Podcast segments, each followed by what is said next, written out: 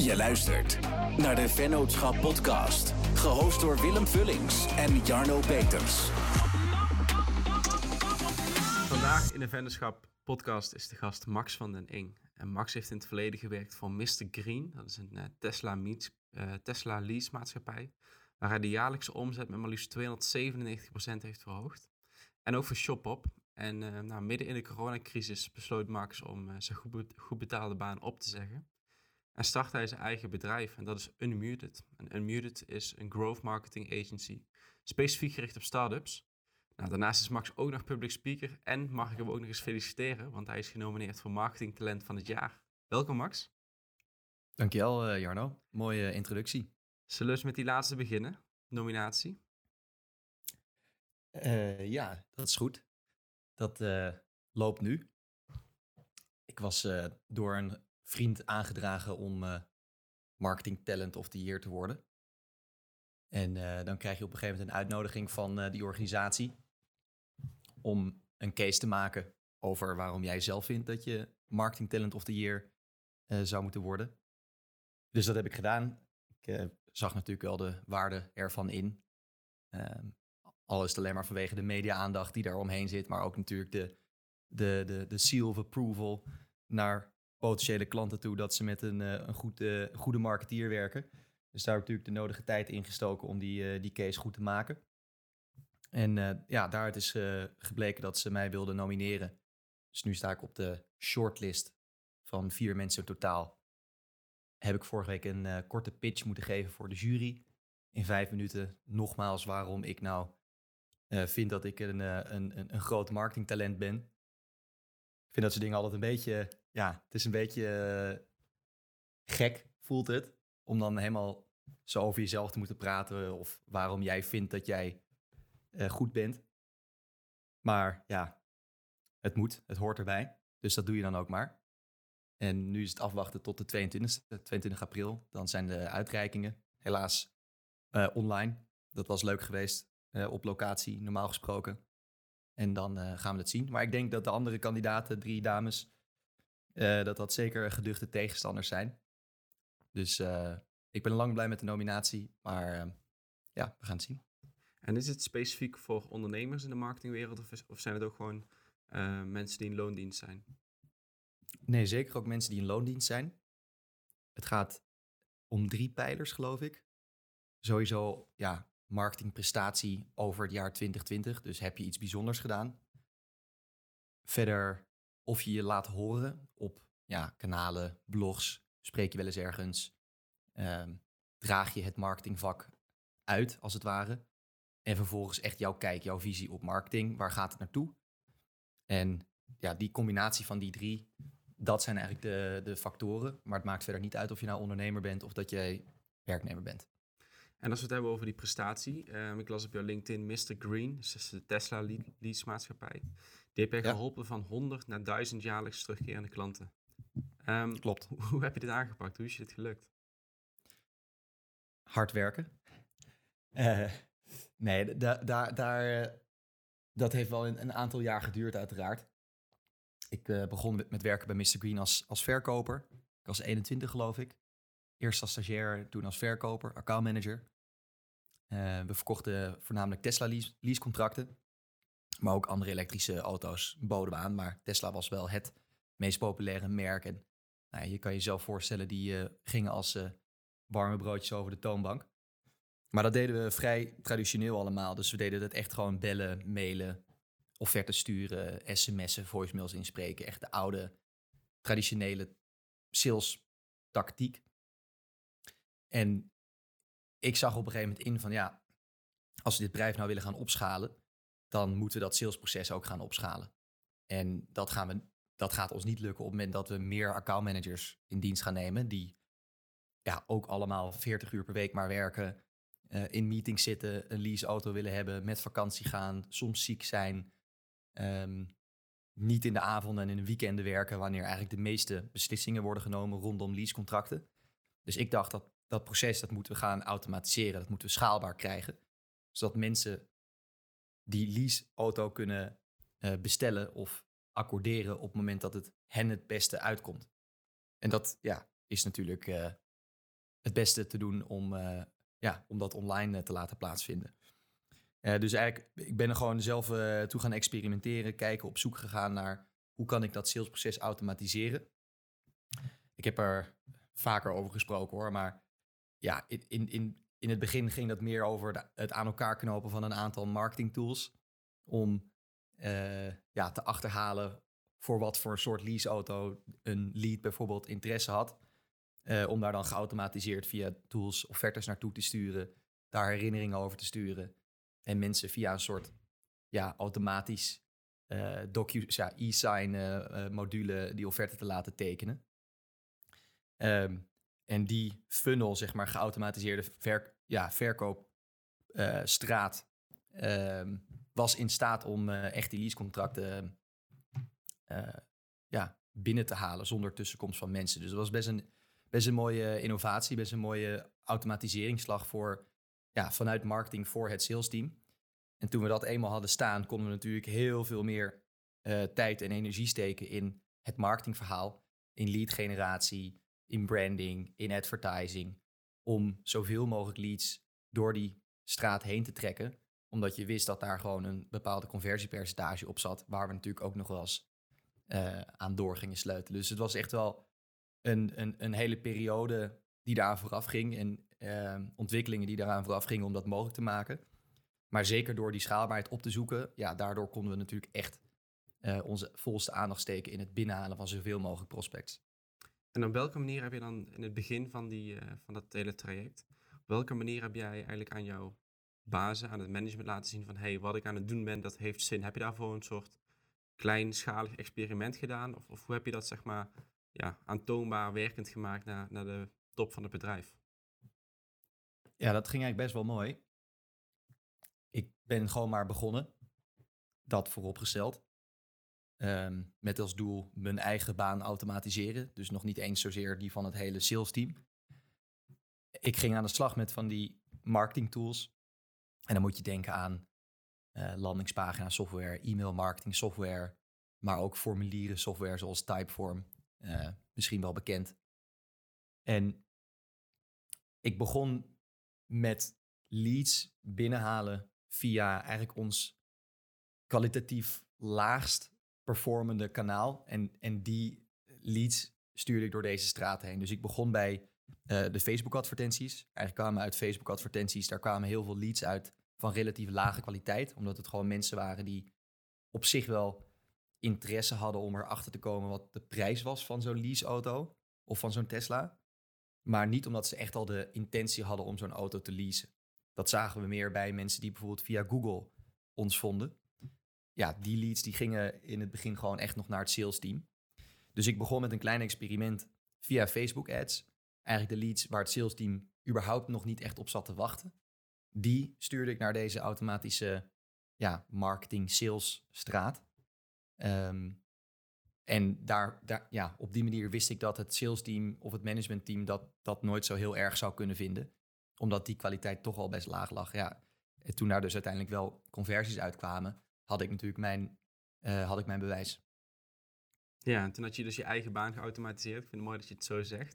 Ik kan me Ja. voorstellen dat veel mensen daar juist heel erg bang voor zijn, omdat ze ehm, juist niet willen laten zien dat het te automatiseren is. Nou, jij zag dat juist als een uitdaging. Ehm merkte je toen ook weerstand vanuit de andere, ehm, van je, vanuit je collega's van het sales team, omdat ze zagen van, hé, hey, dit kan wel eens een bedreiging zijn voor mijn, voor mijn baan? Oeh, ja, dat is.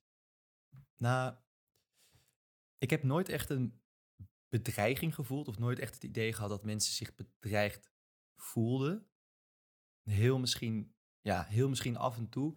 Maar ik probeerde wel echt gewoon ook vanaf moment één met vol enthousiasme te laten zien aan iedereen. Dus ook het sales team van, joh, luister, als dit voor jullie ook werkt, dan hoeven jullie veel minder te focussen op nieuwe acquisitie van klanten.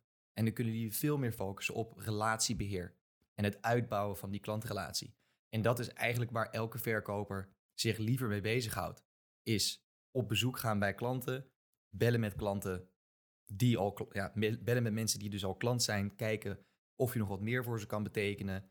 Ehm, misschien haal je eerst een directeur binnen en ga je daarna kijken samen of je ook het personeel kan voorzien van een leaseauto. Dus dat waren eigenlijk veel mooiere uh, salesactiviteiten waar we ons voorheen nog niet echt op konden richten.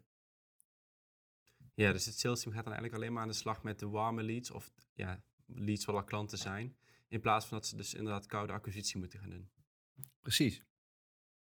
Hoe heb je dan vervolgens dat hele, de hele automatisering, hoe heb je die opgeschaald naar eigenlijk het hele bedrijf?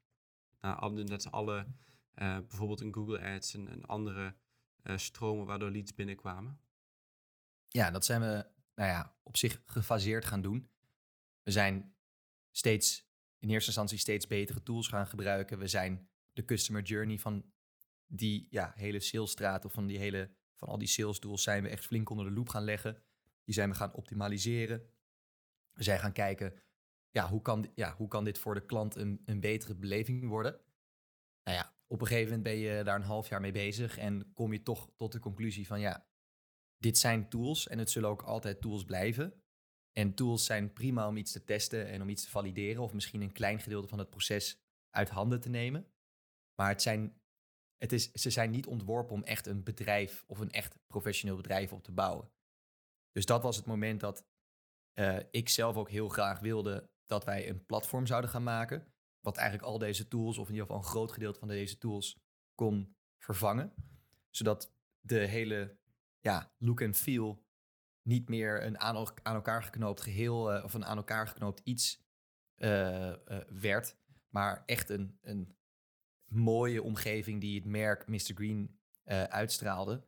En ook ja, een bepaalde mate van vertrouwen kon wekken. Wat uiteindelijk natuurlijk de conversie alleen maar ten goede ehm, zou komen. Dus ja, het, natuurlijk gewoon simpel een, een, een, een voorstel gemaakt, een, presentatie, een soort pitch interne van goh, laten wij hier een, een soort interne start-up van maken. Waarbij we eigenlijk het hele salesproces gaan automatiseren op een zelfgebouwd platform.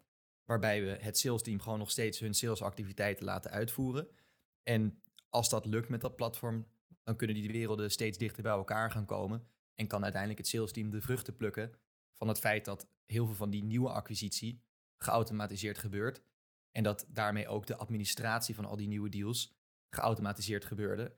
Wat in eerste instantie ook door het sales team moest worden opgepakt. Waarvan zij zelf überhaupt al aangaven dat zij daar weinig zin in hadden. Dus dat was, uh, ja, dat was meteen een, een, een, mooi, uh, een mooi haakje. Maar we zijn op een gegeven moment gewoon een platform gaan bouwen. En daar kreeg je dus een go voor vanuit die presentatie aan het, aan het management intern. Ja, dat, uh, nou ja, dat heeft natuurlijk eventjes geduurd. Maar het feit dat we, kijk, met die, met die tools die we aan elkaar hadden geknoopt, hadden we eigenlijk al had ik al mijn stakeholder management gedaan. Ik had al een proof of concept. Het werkte al. En het managementteam of de twee eigenaren zagen zelf natuurlijk ook wel in van... oké, dit is schaalbaar, maar natuurlijk niet op deze manier met deze tools. Want ja, dat, dat is gewoon niet heel professioneel. Ehm, dus toen zijn we gewoon goed onderzoek gaan doen, presentatie gaan doen... een offerte opgevraagd bij, uh, bij, bij een goede agency... en daar vervolgens mee aan de slag gegaan, ja. Oké, okay, vanuit daar gaan we een stukje verder in de tijd. Volgens mij ben je daarna naar Shopop gegaan, als ik het goed heb. Klopt, ja. En, en vervolgens vanuit Shopop heb jij midden in de coronacrisis je eigen bedrijf opgericht, Unmuted. Klopt. Kun je, kun je eens vertellen wat jou ertoe zette om midden in die pandemie, volgens mij was het nog redelijk in het, uh, in het eerste stadium daarvan, um, wat jou ertoe zette om toen een eigen bedrijf te starten? Ja, ja ik ben inderdaad na Mr. Green ben ik naar Shopop gegaan, omdat ik zelf heel graag voor echt een heel schaalbaar SaaS-bedrijf wilde werken. Dat was heel leuk. Echt een hele leuke tijd gehad. Maar op een gegeven moment, toen corona kwam, kwam iedereen natuurlijk thuis te werken. Ik ook. Ik had gewoon wel nog steeds een baan. Maar ja, je hebt in één keer zee van tijd over. Geen tot weinig sociale activiteiten. En je zit gewoon thuis de hele dag achter je computer. En dan ga je toch eens nadenken van ja, wat wil ik eigenlijk allemaal nog? Wil ik zometeen weer terug naar kantoor en hiermee door blijven gaan? Wil ik misschien nog bij een ander bedrijf een marketingbaan nemen? Of wil ik gaan ondernemen? Nou, dat ondernemen, dat, ehm, ja, dat, dat had ik altijd al in mijn achterhoofd dat ik dat, dat ik dat heel graag wilde. Dat ik dat heel graag een kans wilde geven. Om in ieder geval ook te voorkomen dat ik straks, nou ja, weet ik veel, eind 30 ben, misschien kinderen heb en een goede veilige baan en dan uh, dat nooit meer durf. Of nooit meer denk van, nou ja, ik ga dat, uh, ik ga dat doen. Omdat je simpelweg al die verantwoordelijkheden hebt en kosten hebt, die komen kijken bij, bij een gezin. Dus ja, eigenlijk met mijn 38-jarige zelf in mijn achterhoofd dacht ik, ik moet het nu gewoon gaan doen.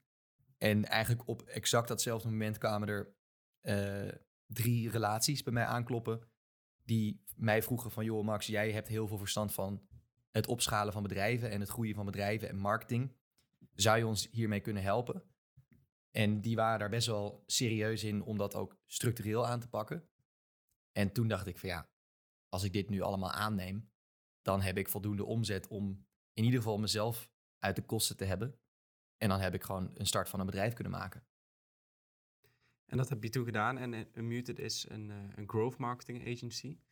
Uh, hippe term, je ziet in de laatste jaren steeds meer natuurlijk. Wat, kun jij, of ja, hoe, hoe, leg jij het verschil uit tussen een ja, meer traditionele marketing agency en een growth marketing agency? Ja, terechte vraag. Ik krijg hem natuurlijk vaker. Ik denk dat uh, growth marketing is natuurlijk ook maar een hippe term. Dat vooropgesteld. Het is natuurlijk niet zo dat uh, bedoel, je kan wel zeggen, ja, growth marketing, dat is echt gericht op groei. Maar ja, uh, wat is mar marketing? Is natuurlijk ook gewoon gericht op groei.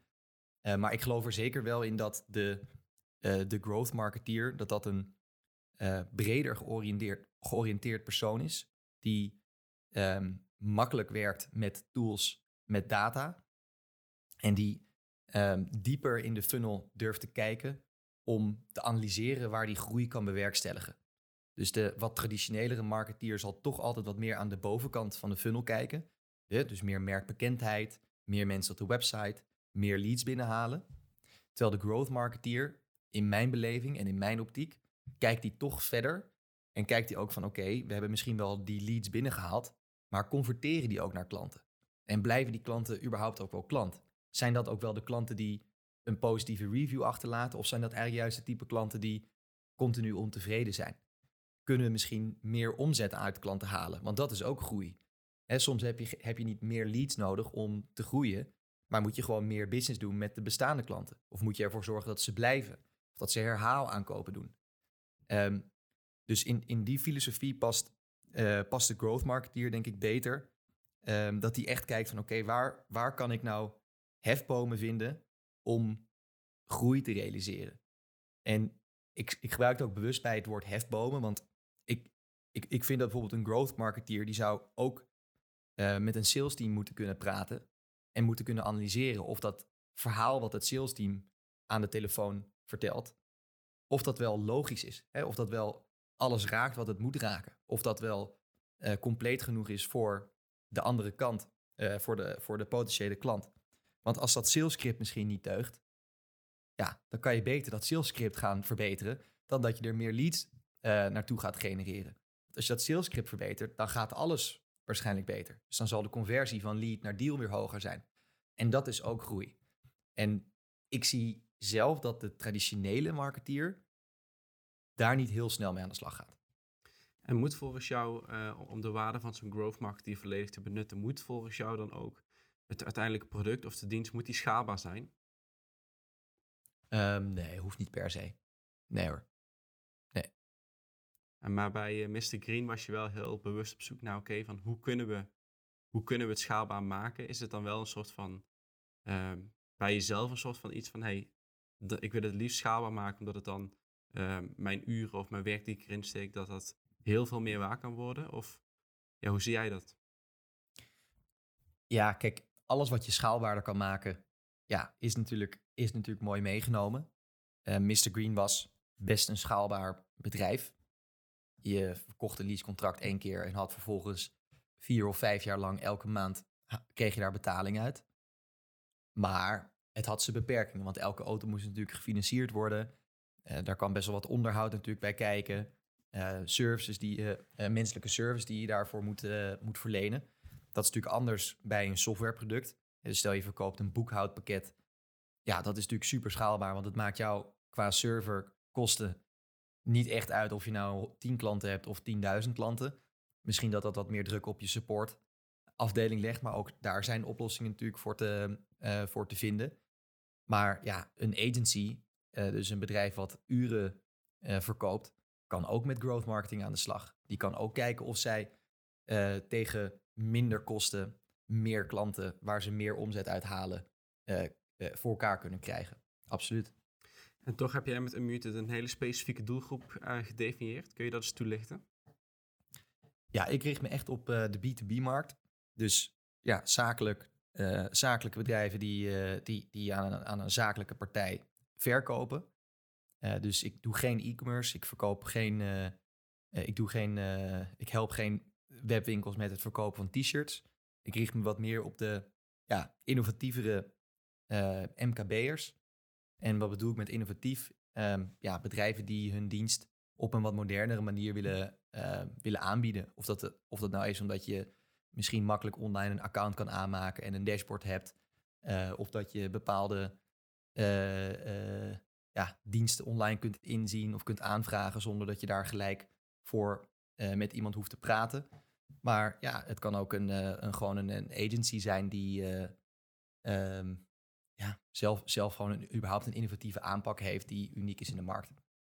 wat ik mezelf altijd afvraag als je zo'n traject aangaat, er zijn natuurlijk duizend en één dingen die je kunt voorstellen, die je kunt voorleggen en die je dan moet gaan ontwikkelen. Um, maar die ontwikkeltijd is vaak best wel kostbaar. Dus hoe zorg jij er nou voor dat je, nou, je gaf net een voorbeeld van dat mensen online een account kunnen aanmaken en meteen een dashboard tot zich, ja, voor zich hebben. Hoe bepaal jij nou of, of ja, deze ontwikkeling in dit geval de moeite waard is om hem te gaan ontwikkelen? Want dat weet je van tevoren waarschijnlijk nooit 100% zeker. Klopt.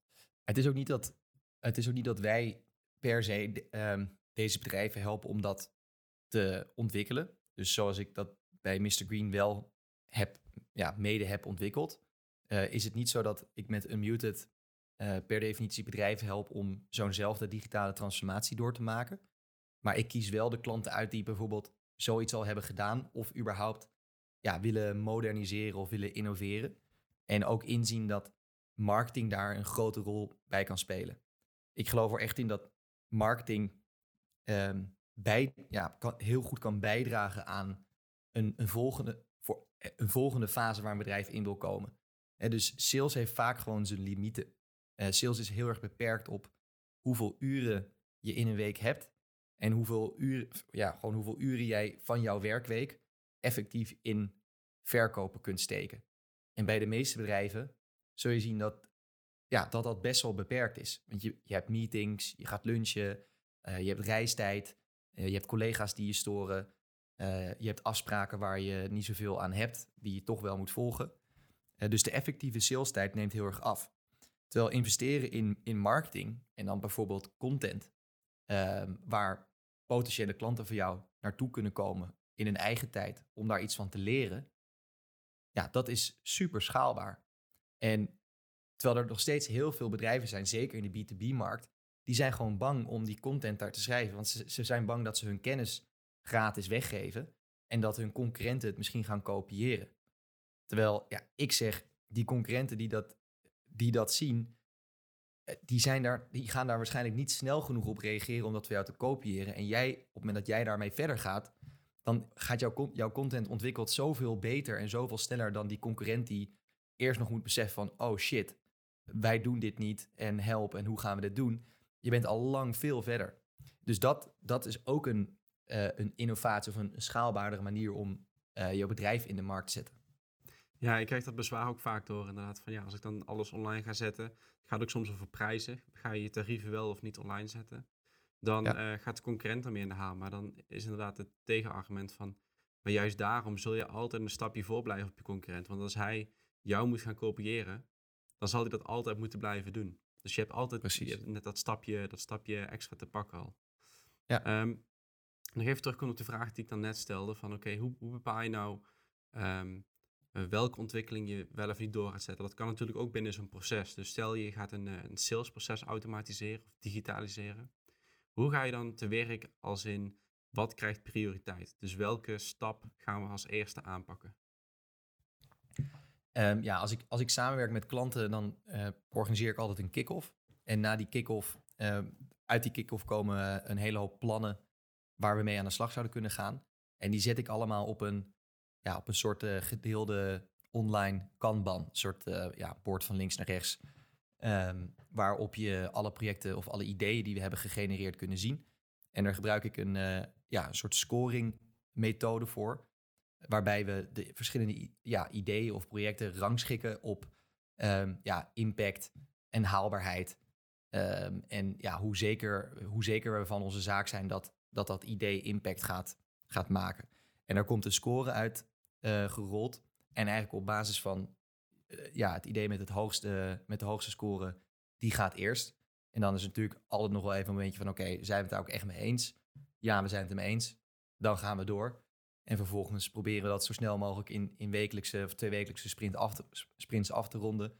Om vervolgens weer door te gaan met het uh, idee wat daarna, het hoogste, wat, wat daarna de hoogste score heeft. Oké, dus dat zijn dus scores die um, eigenlijk bedacht zijn door de, de, de, stakeholders. Dus die eigenlijk dagelijks ja. bij het proces betrokken zijn. Um, komt daar ook nog een stukje data aan te pas, zodat je echt op een andere manier ook nog kunt valideren of dat daadwerkelijk de eerste of de tweede stap moet zijn? Nou, data is zeker een, uh, een onderdeel om te valideren of, het, of jouw hypothese uh, klopte. Maar in, in mindere, ja, in, in sommige gevallen wel. Dus als in, in, zeker uh, als het gaat om conversieoptimalisatie. Ja, als je ziet bijvoorbeeld dat het conversiepercentage echt laag is, dus lager dan de benchmark bij wijze van spreken, ja, dan is dat onderdeel, een, een soort statistiek eerder, is dat onderdeel van je hypothese. Van nou, deze, dit conversiepercentage zou hoger moeten kunnen zijn. Als ons dat lukt, dan, gaat, eh, dan gaan, eh, eh, gaan alle waarden aan de achterkant natuurlijk ook, ook weer omhoog. Dus op zich zou je daar zeker een statistiek of een benchmark bij kunnen pakken. Uh, maar data is meestal is, is eerder het stukje wat je uh, vervolgens als je aan de slag gaat, gaat gebruiken om te analyseren of je hypothese klopte. Ja, en wat is dan de, de, de scheidslijn tussen um, jullie bedrijf Unmuted en zeg maar de ontwikkelpartij? Um, wat doen jullie en wat doen zij?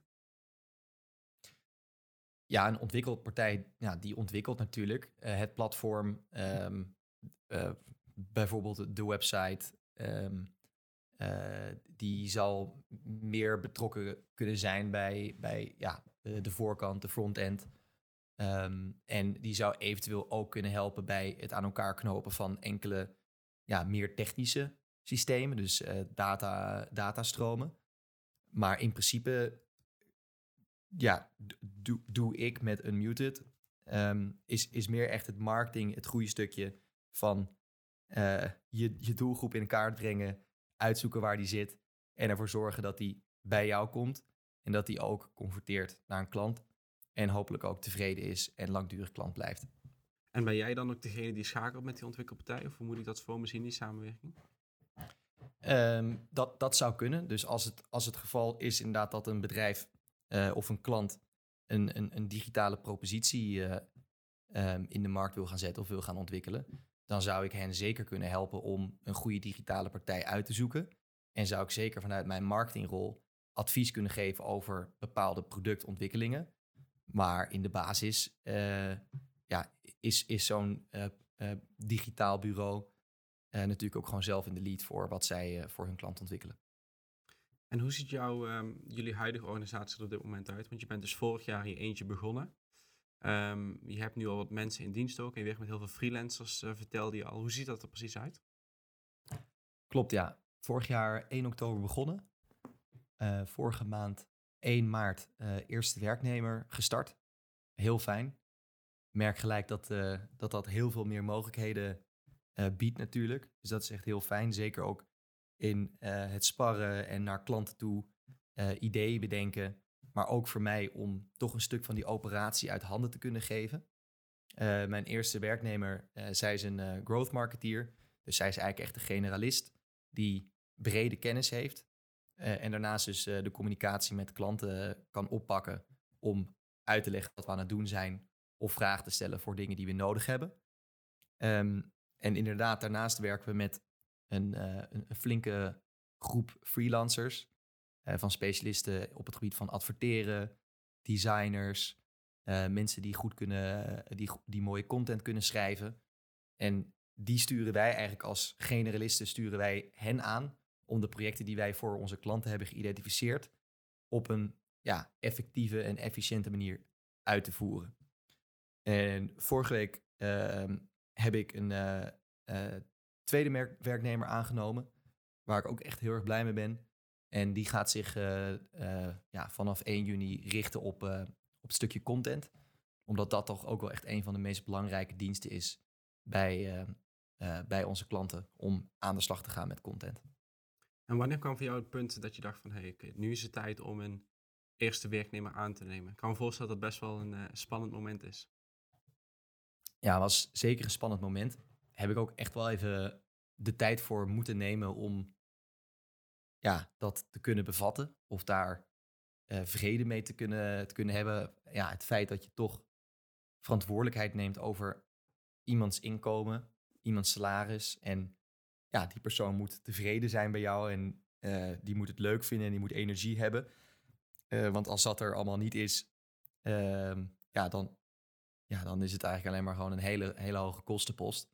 En is het heel lastig om daar weer, weer, weer, ja, weer een marge op te kunnen verdienen.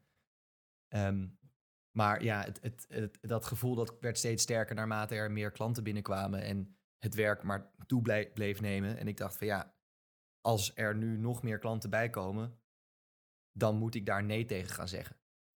En als ik geen nee tegen ga zeggen, dan gaat het ten koste van de kwaliteit van dienstverlening naar mijn huidige klanten. Alleen mijn huidige klanten, ja, daar ben ik ook natuurlijk heel blij en loyaal naar. Want die zijn überhaupt mijn bestaansrecht. Ja, en dan weet je dat een agency eh, is bij uitstek een, een, een businessmodel dat alleen kan groeien bij de gratie van het aantal uren wat je kunt aanbieden. En daar kan je zeker, je kan zeker via freelancers eh, dat oprekken. Maar op een gegeven moment heb je ook gewoon intern mensen nodig die projecten kunnen managen en eh, kunnen waarborgen dat projecten worden opgeleverd op tijd. Eh, dat freelancers worden aangestuurd. En dat kan je op een gegeven moment gewoon niet meer in je eentje doen. Dus het was noodzakelijk kwaad. En ik ben heel blij dat ik het, eh, dat ik het heb gedaan. Anderzijds had je natuurlijk ook inderdaad voor die, ja, had je een nee moeten verkopen, dan had je het wel heel klein en, en misschien wel gemakkelijk voor jezelf, ja, gemakkelijk managebaar voor jezelf kunnen houden. Wat is dan toch de afweging geweest dat je zoiets had van nee, ik wil mijn agency doen groeien, ehm, ook in personeel en in klanten, in plaats van nee, ik, ik blijf bij mezelf met wat freelancers en waarbij ik het klein, overzichtelijk en misschien wat gemakkelijker houd. Ja, dat is natuurlijk de overweging. Wil je het klein en overzichtelijk houden? En klein houden hoeft natuurlijk ook niet te betekenen dat er geen geld wordt verdiend. Want ik bedoel, er zijn zeker freelancers die zichzelf door de jaren heen zeer efficiënt en effectief in de markt hebben weten te zetten en de uren aan één rijgen tegen een mooi tarief. Ja, dan kan je voor jezelf een heel mooi inkomen genereren. Met nog steeds alle vrijheid eh, dat je letterlijk alleen met jezelf rekening hoeft te houden en met je planning. Maar dat was nooit mijn doel. Ik ben niet gemaakt om eindeloos eh, specialistisch eh, hetzelfde werk zelf te blijven uitvoeren. Daar ben ik te generalistisch voor. Ik kan zeker een goed eh, ja, beeld schetsen of een groot plaatje bedenken en bewaken. Maar ik heb echt mensen om me heen nodig om dat uit te voeren en om dat te realiseren. En ik ben natuurlijk begonnen met die freelancers en daar ben ik, eh, daar maak ik nog steeds heel dankbaar gebruik van, van dat netwerk. Maar een free, met een, hè, dus als freelancer met een andere freelancer samenwerken en samen een beetje doen alsof je een bedrijf bent, dat heeft gewoon zijn beperkingen. Want een andere freelancer die kan je nooit op dezelfde manier aan het werk zetten als een werknemer. En als je dat wel wil of wel nodig hebt om een bepaalde dienst te leveren, ja, dan ga je echt, dan ga je zoveel kosten maken aan die freelancers, want dan, ja, dan ga je ze dus ook betalen voor eh, een keertje even eh, sparren of even een keer naar je verhaal luisteren of even een keer eh, met je meedenken. En dat zijn dan in één keer best wel wat uren die je gewoon niet kunt factureren naar je klanten. Terwijl een werknemer is in de basis een stuk goedkoper dan samenwerken met een freelancer. Het levert ook een hoop meer risico en verantwoordelijkheid met zich mee. Uh, maar als, ja, als je daar goed mee om kunt gaan, dan heb je eigenlijk veel goedkopere arbeidskracht, waardoor je dus ook tijd overhoudt om ja, wel af en toe even je, uh, je gedachten te delen en uh, iets aan iemand anders te geven van joh, kan je dit even uitzoeken, terwijl je misschien wel weet dat je het zelf in een half uurtje zou kunnen doen en dat het voor die persoon echt twee uur tijd kost. Maar ja, als dat jou een half uurtje tijd oplevert, dan is dat uh, in zekere zin best een, uh, ja, is dat best mooi meegenomen. En je hebt het nu al een paar keer gehad over het, over het verdienmodel. Wat is nu concreet uh, jullie verdienmodel? Want werken jullie alleen op uurbasis of werken jullie ook meer op performance? Nee, wij werken eigenlijk bijna alleen maar op retainerbasis. Mijn dienst heet The Growth Program. dat is eigenlijk echt een, een uitgestippeld programma van 12 maanden. Waarbij de eerste drie maanden vast is. En na drie maanden is het maandelijks opzegbaar. En het doel van de Growth Program is dat we in die eerste drie maanden echt de deep dive samen gaan doen. Elkaar goed gaan leren kennen. Gaan identificeren aan welke projecten we moeten werken om de commerciële doelstellingen van dat jaar te behalen. En in die drie maanden gaan wij ervoor zorgen dat we één of twee uh, ja, quick wins voor elkaar krijgen, laaghangend fruit, om aan te tonen dat onze aanpak echt werkt. Vervolgens kan die klant ervoor kiezen om door te gaan naar de volgende fase. Uh, dat noem ik de acceleration fase, waarin we eigenlijk gedurende zes maanden die marketing roadmap die we in de eerste drie maanden hebben opgebouwd, gaan proberen uit te voeren in allemaal korte sprints. En uiteindelijk, uh, in de laatste drie maanden van het jaar, kunnen wij die klant gaan helpen om hun interne organisatie ook te transformeren. Wat dat concreet inhoudt, is dat we ze eigenlijk helpen om ofwel intern een marketeer aan te nemen, ofwel hun interne marketingteam te trainen via een aantal workshops. We hebben eh, dus ook een, ja, een aantal workshops uh, intern gecreëerd, die we dus aan de klanten ook weer uh, mee verkopen. Maar het idee is dus echt marketing as a service, maandelijkse retainer, echt een abonnement op een partij die jouw marketing gaat ownen of jouw huidige marketingafdeling beter gaat laten presteren. En dat is dan dus een vast bedrag per maand? Um, onze management fee is een, vast bedrag, bedrag, uh, ja, is een vast bedrag per maand. Daar staat dus ook een vast aantal uren per maand tegenover. Dat is een, u, een aantal, ja, een, een x aantal uur waarvan wij zeggen, nou dat hebben wij gewoon echt minimaal nodig om die projecten, uh, die, die innovatieve ideeën te blijven brengen en de projecten aan te sturen bij de freelancers en te laten uitvoeren. En dan daarnaast uh, werken de freelancers die werken onder onze vlag. Um, en ja, daar kunnen dus wel nog extra kosten bij, kunnen, bij komen kijken. En, en hoe, uh, hoe scope je dat dan met zo'n klant in de, in de beginfase niet zo goed weten wat er nou precies voor nodig is? Hoe kom je dan zeg maar aan je, aan je urenaantal wat je offreert? Ja, dat is eigenlijk voor elke klant redelijk hetzelfde, uh, hetzelfde aantal uren. Dus dat is, uh, ja, dat is vrij simpel. Dus we zijn er vrij ja, pragmatisch in. Van nou, we hebben gewoon uh, ongeveer dit per maand nodig per elke klant. Um, aan onze tijd om dus te bedenken wat er moet gebeuren en ervoor zorgen dat het op een goede manier wordt uitgevoerd. Ja. Hey, kun je eens meer vertellen over die Experiments Club? Zeker. Dat uh, gaat er eh, binnenkort aankomen. Er gaat uh, binnenkort meer bekend over gemaakt worden, maar ik kan het natuurlijk alvast hier wel een beetje, beetje toelichten. Um, de Experiments Club ben ik begonnen omdat ik heel graag kennis wil gaan, ja, kennis over marketing wil gaan delen met de community. En de community in deze zin is eigenlijk iedereen die iets wil leren over moderne marketing. Dus dat kan gewoon een marketeer zijn, maar dat kan ook een ondernemer zijn. Dat kan ook een sales manager zijn die ontevreden is over zijn eigen marketingafdeling. Of die denkt van ik wil zelf maar uh, wat marketing gaan doen om meer leads binnen te halen.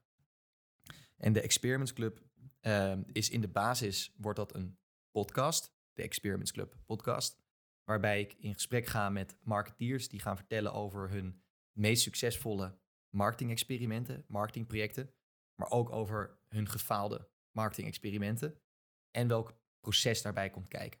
Dus het wordt echt een soort kijkje in de keuken bij verschillende marketeers en bij verschillende bedrijven, waar ja, ondernemers, andere marketeers en wie dan ook um, een hoop van kan gaan leren en een hoop inzichten uit kan halen. Als je lid wordt van de Experiments Club, dan um, kan je ook tijdens onze Clubhouse sessies kan jij het woord krijgen en kan je eigenlijk jouw marketingvraagstuk aan ons voorleggen. En met ons bedoel ik mezelf en de gasten die ik dan daarvoor uitnodig, die experts zijn op verschillende uh, marketinggebieden. Dus die Clubhouse sessies die kan je zien als een soort inloopspreekuur of een soort inloop marketing spreekuur. Um, maar je kan alleen eh, aan het woord komen op het moment dat je ook echt even bent aangemeld. En daarnaast eh, hebben we voor ogen om, eh, wanneer het straks allemaal weer kan, een aantal evenementen en meetups te gaan organiseren. En wordt er ook nog een soort van online community aan toegevoegd? Of, blijft, of is het echt die podcast en de clubhouse sessies? In principe is het de podcast en de clubhouse sessies. Mensen die zich hebben ingeschreven, die krijgen ook de samenvatting van de podcast. Dus die krijgen eigenlijk de key eh, inzichten van de podcast per mail toegestuurd. Eh, die zijn we, we zijn van plan om die niet verder eh, online te delen. Dus die krijg je echt per mail. Maar ik denk er nog wel over na op, om er misschien ook een Slack of een Facebook groep omheen te maken. Ja, ja tof. Wanneer, wanneer gaat die ongeveer online? Dat moet deze maand gaan gebeuren. Kijk, kijk, heel veel succes daarmee. Dank je. Hey, ehm, wat wil jij vroeger worden, Max? Oeh, goeie vraag. Ik weet eigenlijk niet echt meer heel goed wat ik wilde worden. Maar ik weet wel dat ik sowieso iets met auto's wilde doen. Want ik was vanaf jong af, jongs af aan echt al bovengemiddeld geïnteresseerd in auto's. Wel echt snelle auto's. Ik was misschien wel echt een soort petrolhead kind uiteindelijk best wel geinig dat ik dan dus bij Mr. Green terecht ben gekomen. Wat dan een leasemaatschappij voor elektrische auto's was. Maar echt concreet wat ik van jongs af aan wilde worden, die, eh, die heb ik niet meer, heel, eh, niet meer heel helder. Ja, ik dacht al, die link met Mr. Green, die, eh, die spreekt dan wel voor zich inderdaad. Ja, zeker. Wat heb jij gestudeerd? Commerciële economie. En heb je die afgemaakt? Ja. En Ja, toen vanuit daar ben je bij eh, Mr. Green in de slag gegaan. Nou ja, dat was op zich wel leuk. Ik begon bij, eh, bij Mr. Green eigenlijk als afstudeerstage. Ik eh, studeerde in Utrecht. Daar woonde ik destijds ook nog. Mr. Green zat in Amsterdam. Dus ik ging op en neer. En het doel was, of het idee was dat ik, de, dat ik mijn scriptie zou gaan schrijven bij Mr. Green. Maar na een maand stage gelopen te hebben bij Mr. Green, werd ik in één keer gebeld door mijn baas van... Oké, Max, die stage, dat, nou, dat doe je maar een andere keer. Kom gewoon voor ons werken. Dan eh, betalen we je ook gewoon, want we kunnen je goed gebruiken. Ja, ik was natuurlijk helemaal in mijn nopjes. Ik denk, nou, ik heb iets goed gedaan en eh, ik heb gewoon een baan aangeboden gekregen. Dus ik zei natuurlijk gewoon ja. Alleen vervolgens kwam die scriptie anderhalf jaar op de plank te liggen. En dat begon natuurlijk op een gegeven moment best wel een beetje aan je te, te knagen. Dus toen heeft eh, een van de andere oprichters heeft tegen me gezegd van... joh Max, neem nou maar gewoon even een maandje vrij. Ga in de bibliotheek zitten. En eh, ga als een gek die, eh, die scriptie schrijven. En dan kom je terug als hij, als hij weer klaar is. Nou ja, dat is toen gelukt. Gelukkig. Ja, ik herinner me heel goed van, van mijn opleiding ook dat ik studeerde IT en business. Dus ja, je bent dan best wel Ah ja. gewild in de, in, de, in de huidige branche. Ehm, of in de huidige tijd. Maar we werden, we werden altijd gewaarschuwd van als je een baan krijgt aangeboden tijdens je afstuderen, neem hem nog niet aan. Want dan krijg je inderdaad dat je of dat je scriptie heel lang op de plank komt te liggen, of dat je hem überhaupt nooit afmaakt. En dan is het inderdaad leuk dat je op misschien een jonge leeftijd al een goede, eh, goed betaalde baan hebt. Alleen uiteindelijk ben je die studie ook begonnen om je diploma te halen. En ja, dan kun je hem net zo goed maar even afmaken als je toch al op, eh, op 95% bent. Absoluut. Wat vind jij het allerleukste aan je werk? Het allerleukste aan mijn werk vind ik überhaupt wat mijn werk is. En dat is bouwen. Ik vind bouwen superleuk. Dus gewoon dingen verzinnen, combinaties maken tussen dingen of conclusies ergens uittrekken en dan een soort plan bedenken en dat voorleggen aan mensen en dan die ogen zeg maar hen versteld zien staan van oké, dit moeten we gaan doen. En dat dan gewoon gaan neerzetten, dat vind ik echt heel leuk. Maar wanneer iets echt een proces wordt, ja, dan, dan haak ik vaak snel af. En dus daar heb ik dan ook echt mensen om me heen voor nodig om dat over te nemen. Dus een voorbeeld is bijvoorbeeld een nieuwsbrief. Ja, ik vind een nieuwsbrief een, nog steeds een heel vet, hele vette marketingtactiek. Eh, er zijn nog niet, eens, nog niet zo heel veel bedrijven die een goede nieuwsbrief in de markt zetten. Het is toch vaak een soort ondergeschoven kindje. Iets wat iemand nog snel even op vrijdagmiddag om drie uur in elkaar knutselt en dan eh, de deur uitstuurt. Ik vind het super tof om een nieuwsbriefconcept te maken en te gaan nadenken, oké, hoe moet dit eruit zien? Welk platform moeten we gebruiken? Wat moet de inhoud worden? Hoe gaan mensen zich ervoor aanschrijven? Hoe gaan we het ding onder de aandacht brengen? Maar om dan dat ding elke maand te moeten sturen, nee, dat, eh, dat, dat, dat, dat vind ik dan weer niet leuk. Dus bouwen, ja. Heel herkenbaar. Klinkt inderdaad echt als een, eh, als een generalist. Ja. Welke persoon inspireert jou op dit moment? Ja, voor mij oprecht op de eerste plaats familie. Ik kom nou, redelijk uit een ondernemersgezin. Eh, mijn vader, mijn broer en mijn oom eh, zijn echte ondernemers. Eh, er zitten nog meer ondernemers in de familie. Ehm, ja, ik, ik, ik kijk wel echt naar, naar mijn oom bijvoorbeeld. Die is een nou, redelijk succesvol ondernemer en die hoeft, nou, die, ja, die z- zeg maar, heeft zijn pensioenleeftijd nu wel bereikt. En die zet zich ook gewoon echt in, nou ja, filantropisch zou je kunnen zeggen. Dus die, die, die, die helpt om scholen te bouwen in eh, onontwikkelde landen. Ehm, eh, adopteert daar kinderen, eh, laat daar weeshuizen bouwen. Ja, dat, dat, dat inspireert wel heel erg dat je een, een bedrijf hebt kunnen opbouwen waar je goed aan hebt kunnen verdienen en waarmee je vrijheid voor jezelf hebt kunnen creëren om anderen weer verder te kunnen helpen. En ja, die manier of er zo in staan, ja, dat, dat, dat, dat inspireert mij wel heel erg. Ja, kan ik me heel goed voorstellen. Vooral als dan diegene zo dichtbij staat natuurlijk. Absoluut. Wat is je grootste blunder geweest tot nu toe? We zitten in de marketingwereld, dus er zal vast ook wel iets, eh, iets helemaal mis zijn gegaan. Ehm, nou, de grootste blunder is denk ik ook wel uit mijn Mr. Green tijd. Ja, is het een blunder of is het... Ja, ik denk dat het vooral gewoon veel geld, eh, veel leergeld is geweest. We, ik, ik ben toen op een gegeven moment met marketing aan de slag gegaan. En dus ik deed eerst sales, toen ging ik marketing doen. En ik wilde met Facebook advertenties aan de slag gaan. Alleen, we hadden het gewoon nog niet heel goed uitgedacht. En ik, ik geloofde heel erg in van ja, maar dat zijn toch leads en dat, eh, dat, dat komt toch wel goed. Maar uiteindelijk hebben we daar zo'n 30.000, ah, ik denk 35.000 euro aan uitgegeven. En ik denk dat daar misschien één of twee klanten uit waren gekomen. En toen zei de CFO op een gegeven moment van oké Max, dit slaat echt helemaal nergens op. Die creditcard die staat rood, groei, gl- rood gloeiend. Eh, je kan misschien één of twee deals aanwijzen die je hiermee hebt binnengehaald. Maar dit kunnen we echt niet meer doen. En dat was wel even een, eh, even een baalmomentje. Ehm, eh, uiteindelijk met het hele platform eh, wat we toen hebben gemaakt, waarbij we veel beter de data konden bijhouden, zijn we daar veel slimmer mee om kunnen gaan en hebben echt wel veel effectiever LinkedIn, Facebook advertenties ingezet. Maar die eerste keer, dat was wel eh, duur, eh, duur speelgeld. hoe, zorg jij, hoe zorg je voor een optimaal energieniveau? goed slapen. Ik, ehm, ik, ik drink geen koffie. Althans, ik ben gestopt met koffie drinken. Ik denk een jaar of twee geleden. Dat helpt mij heel erg om mijn energie ehm, op een ja, soort eh, eh, vast niveau te, te houden. Dus ik merk zelden dat ik op een moment van de dag meer energie of, of minder energie heb. Mhm. Het is eigenlijk best wel, best wel constant. Dus dat is heel fijn. Goed ademen, dat sowieso. Merk als ik heel enthousiast bezig ben en echt mega eh, veel adrenaline heb in mijn werk, dat ik mijn adem nog wel eens een beetje een soort van opkrop of wat, wat hoger in mijn, eh, in mijn lichaam krijg. Ja. En daar heb ik eh, recent gewoon een paar reminders voor ingesteld op Slack. Gewoon elke twee uur krijg ik gewoon een push notificatie van, yo, adem even lekker door.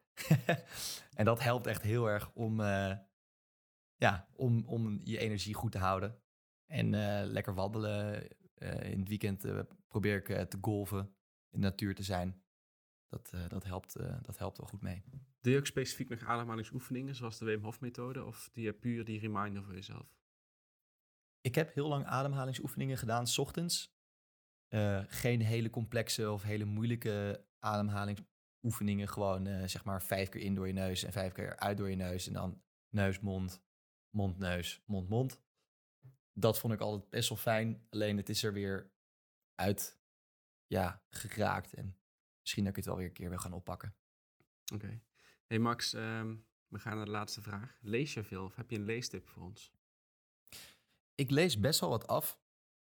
Laatste tijd kom ik er iets minder goed aan toe. Maar ik heb hier best een mooie boekenkast opgebouwd.